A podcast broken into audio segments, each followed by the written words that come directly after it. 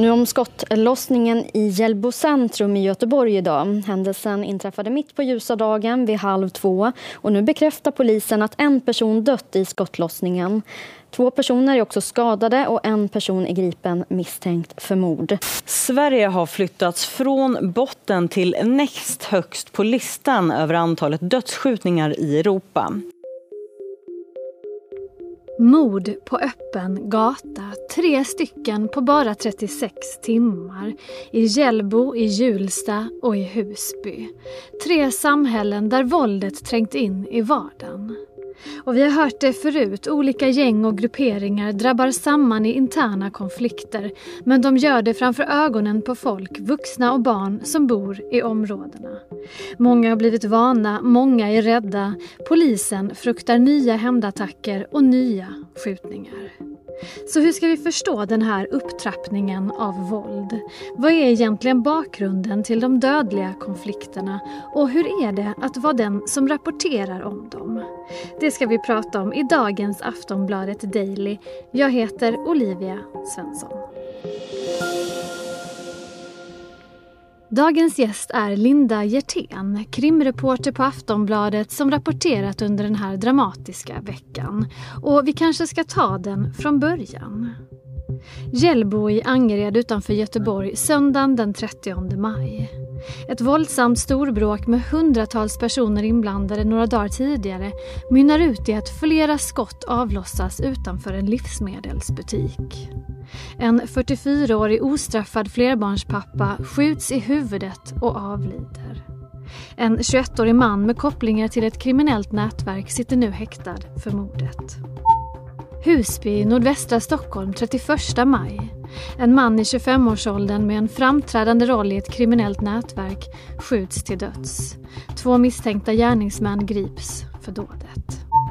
Hjulsta i nordvästra Stockholm 23.53 samma dag. En man i 30-årsåldern jagas genom centrum och skjuts till döds framför ögonen på barn och lärare på en lågstadieskola. Facit efter 36 timmar, totalt tre skjutningar med dödlig utgång. Polisen pratar om en total hänsynslöshet.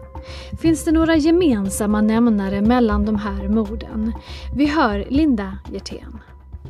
Ja, alla tre morden misstänks ju ha att göra med de kriminella nätverken.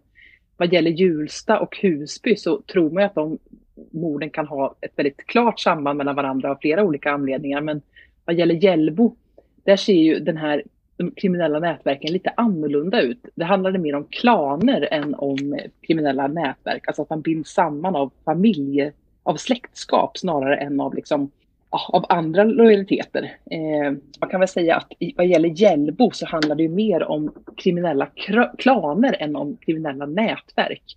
Men det är ju i stort sett samma sak och om man tittar på både Husby, Hjulsta och Hjällbo så handlar det ju om skottlossningar på öppen gata eh, där det fanns risk för tredje part att skadas.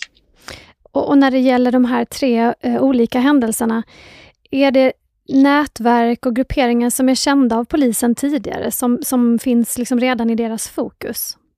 Ja, men det är det. Vad gäller eh, Husby och Hjulsta så handlar det, tror man där, om eh, uppgörelser mellan två olika kriminella nätverk där en av dem som sköts till döds eh, är en före detta gängledare. Eh, för ett, han är gängledare för ett eh, nätverk men som har hamnat lite grann i skymundan för ett yngre nätverk som har börjat försöka ta mark.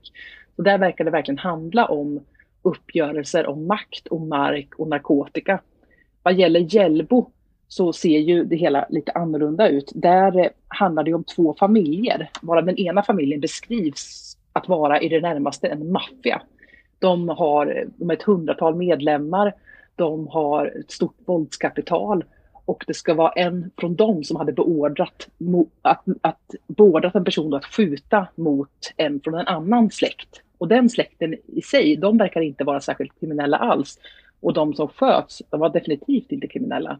Så här handlar det om att en med fel efternamn eh, blev skjuten. Du som ofta rapporterar eh, kring den här typen av händelser och som ofta är ute på den här typen av journalistiska uppdrag, reportage. Hur reagerar de boende i områdena där det skjuts på det här sättet? Vad säger de? Ja, men det blir ju, I de områden där det ofta sker så blir det till slut en slags uppgivenhet. Att man bara känner, vad, vad är det som händer? Varför kan inte det här stoppas? Men det som ju är synonymt för alla är ju att man är, man är rädd. Alltså när det skjuts, kolla i Husby när det skjuts liksom på öppen gata mitt på dagen och barn blir vittnen. Det, det, är ju upprörande. Jag menar, det är ju inte roligt att bo i sådana områden. Och jag menar, många av de här personerna som bor i de här områdena älskar ju sitt område. De, tycker jätte, att, de har sina vänner där, de tycker att det finns jättemycket som är bra. Men de här kriminella nätverken håller dem som någon slags gisslan och liksom tar deras sociala trygghet och gör den minimal. Alltså det är ganska, det är jäkligt upprörande att det här får hända i så många områden i Sverige. Det är ju också väldigt slutna världar, de här nätverken. De håller liksom tätt på många sätt. Hur lätt är det att skaffa sig information för dig som är reporter som, som rapporterar om sånt här? Det är ganska svårt för att det är ju väldigt sällan som någon från ett nätverk vill prata. Och pratar de så vet man kanske inte ifall de säger sanningen eller inte. Men man får ju utgå väldigt mycket från dels källor, dels från officiella rapporter. Jag menar polisen kartlägger ju nästan årligen de kriminella nätverken och klanerna. Man får utgå från eh, tidigare domar där man brukar kunna utläsa ganska mycket. Och sen så handlar det mycket om att prata med folk som har insyn. Och det blir ju väldigt ofta anonymt för att det är farligt att prata högt om de här gängen. Det är väldigt få som vill göra det med namn och bild för att det innebär en risk helt enkelt. Och det handlar väl i väldigt många fall också om väldigt unga människor som är involverade i den här typen av konflikter? Ja, i toppen sitter ofta lite äldre personer eh, och de i toppen av de här nätverken, där kan man nog kanske ha det, jag skulle inte säga bra, för att det här handlar ju om att leva ett liv ganska fyllt av ständig ångest och liksom rädsla att vem som helst kan försöka mörda dig när som helst.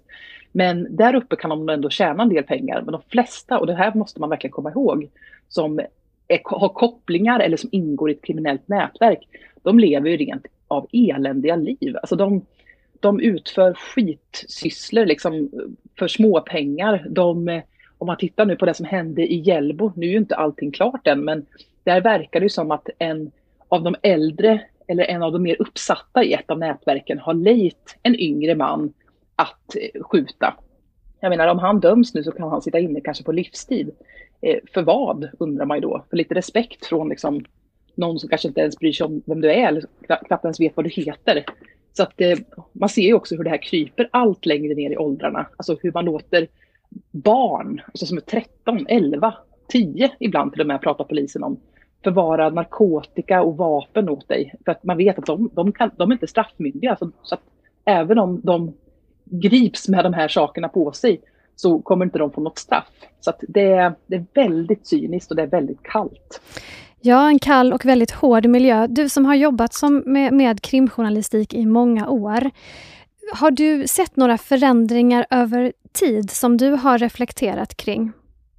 Ja, det måste jag säga, för jag har ju ändå jobbat nu som journalist i ett 20-tal år och där, när jag började, om man skulle börja skriva om de kriminella gängen, då handlade det väldigt mycket om Hells Angels, Bandidos, eh, X-team, kommer jag ihåg var stort. Och jag menar, de var ju också och, och är fortfarande dessutom eh, farliga personer, men det hölls mycket mer inom kanske gängen då på ett sätt som det inte gör nu. Det man ju ser nu är ju nätverk snarare än gäng. Och de här nätverken blir väldigt farliga just för att de skiftar lojaliteter snabbt. Man kan ena dagen kanske ha lojalitet med det här gänget för att till nästa dag ha lojalitet med det här gänget. Man krigar om små gathörn, om små vägstumpar. Och just för att det här då har krupit så in i bostadsområdena så upplever jag de kriminella nätverken som ännu farligare för tredje part. Ja, vi har blivit vana vid nyheter om skjutningar och uppgörelser mellan kriminella gäng. Och enligt en ny rapport från BRÅ, Brottsförebyggande rådet, har Sverige flyttat från botten till högt upp på listan över de länder i Europa där dödsskjutningar är vanligast. Mellan 2014 och 2017 var det bara Kroatien som hade högre nivåer och efter 2017, när myndigheten jämfört färre länder, hamnar Sverige. Faktum är att Sverige enligt Brå är det enda landet i Europa där antalet dödsskjutningar ökat sedan millennieskiftet. Rapporten visar också att åtta av tio dödsskjutningar sker i kriminella miljöer och att brotten bland annat kan kopplas till knarkhandel. Men varför det ser ut så här just i Sverige har utredarna vid Brå inget svar på. En mörk bild av utvecklingen helt enkelt. Men är den alldeles entydig? Finns det några positiva tendenser bland alla svarta rubriker att rapportera om? Vi hör Linda Hjertén igen. Ja, men det tycker jag. Och jag tycker vi ändå har gjort en del under våren. För att just när fransk polis lyckades hacka då Encrochat, det här krypterade meddelandeverktyget som jättemånga kriminella i Sverige och i övriga Europa använde sig av, så har man ju kunnat frihetsberöva väldigt många i de kriminella nätverken. Så är det. En del har dömts, en del kommer frias, men väldigt många sitter frihetsberövade just nu. Det här har ju polisen varnat för att det kan göra att våldet blir grövre och mer under en period. Just för att det här innebär ju att det är, liksom, det är lite kris i nätverken. Eh, vissa småpåvar försöker ta sig upp och bli storpåven. I andra nätverk så kanske man är mer välorganiserad och kan sitta mer lugnt i båten. Men det, det är oro i de kriminella nätverken. Eh, och, och, och, om det här som händer nu i Hjulsta och eh, i eh, Husby är ett resultat av det, ja det vet inte vi än. Men ja, det finns ändå väldigt mycket positivt. Det får man ändå säga. Det, det, inte mycket positivt kanske, men det finns en del positivt. Eh, dels då att polisen ju faktiskt har eh, en bättre överblick av de kriminella nätverken nu än vad man hade sist och att man också då har, det finns ju fler gripanden som är att vänta efter Encrochat. Mm. Och när du pratar med experter, poliser, kriminologer och så vidare om den här utvecklingen, Nämner de några särskilda åtgärder? Alltså vad måste man göra för att bryta den här våldsspiralen? Det räcker ju såklart inte med att avlyssna på, på Encrochat. Nej, det är ju väldigt mycket och eh, jag pratade med en eh, polis igår som har varit polis i hela sitt vuxna liv och han jobbar som, eh, jag tror det är faktiskt Sveriges enda integrationspolis. Egentligen jobbar han kan man säga så som kvarterspoliserna gjorde för 30 år sedan. Eh, jag minns min kvarterspolis jättetydligt för att i det lilla samhället jag växte upp så fanns det en kvarterspolis som alla visste vem det var och han visste vilka alla var.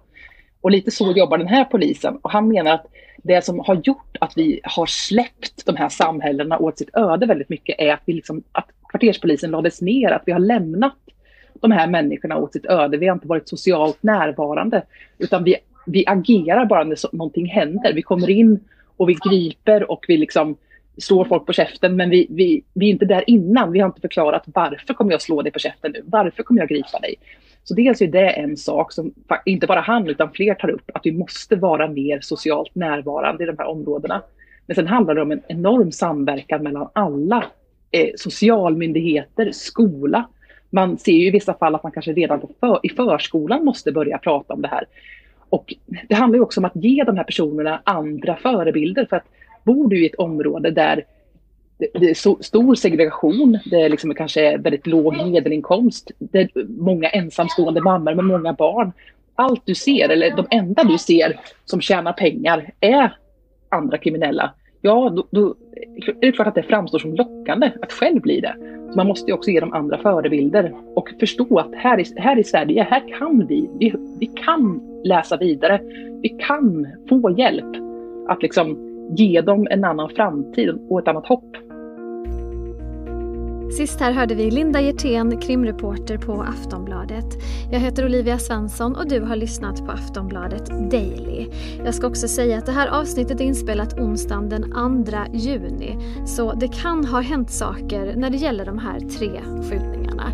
För senaste nytt så gå in på aftonbladet.se. På återhörande, hej då. Du har lyssnat på en podcast från Aftonbladet. Ansvarig utgivare är Lena K Samuelsson.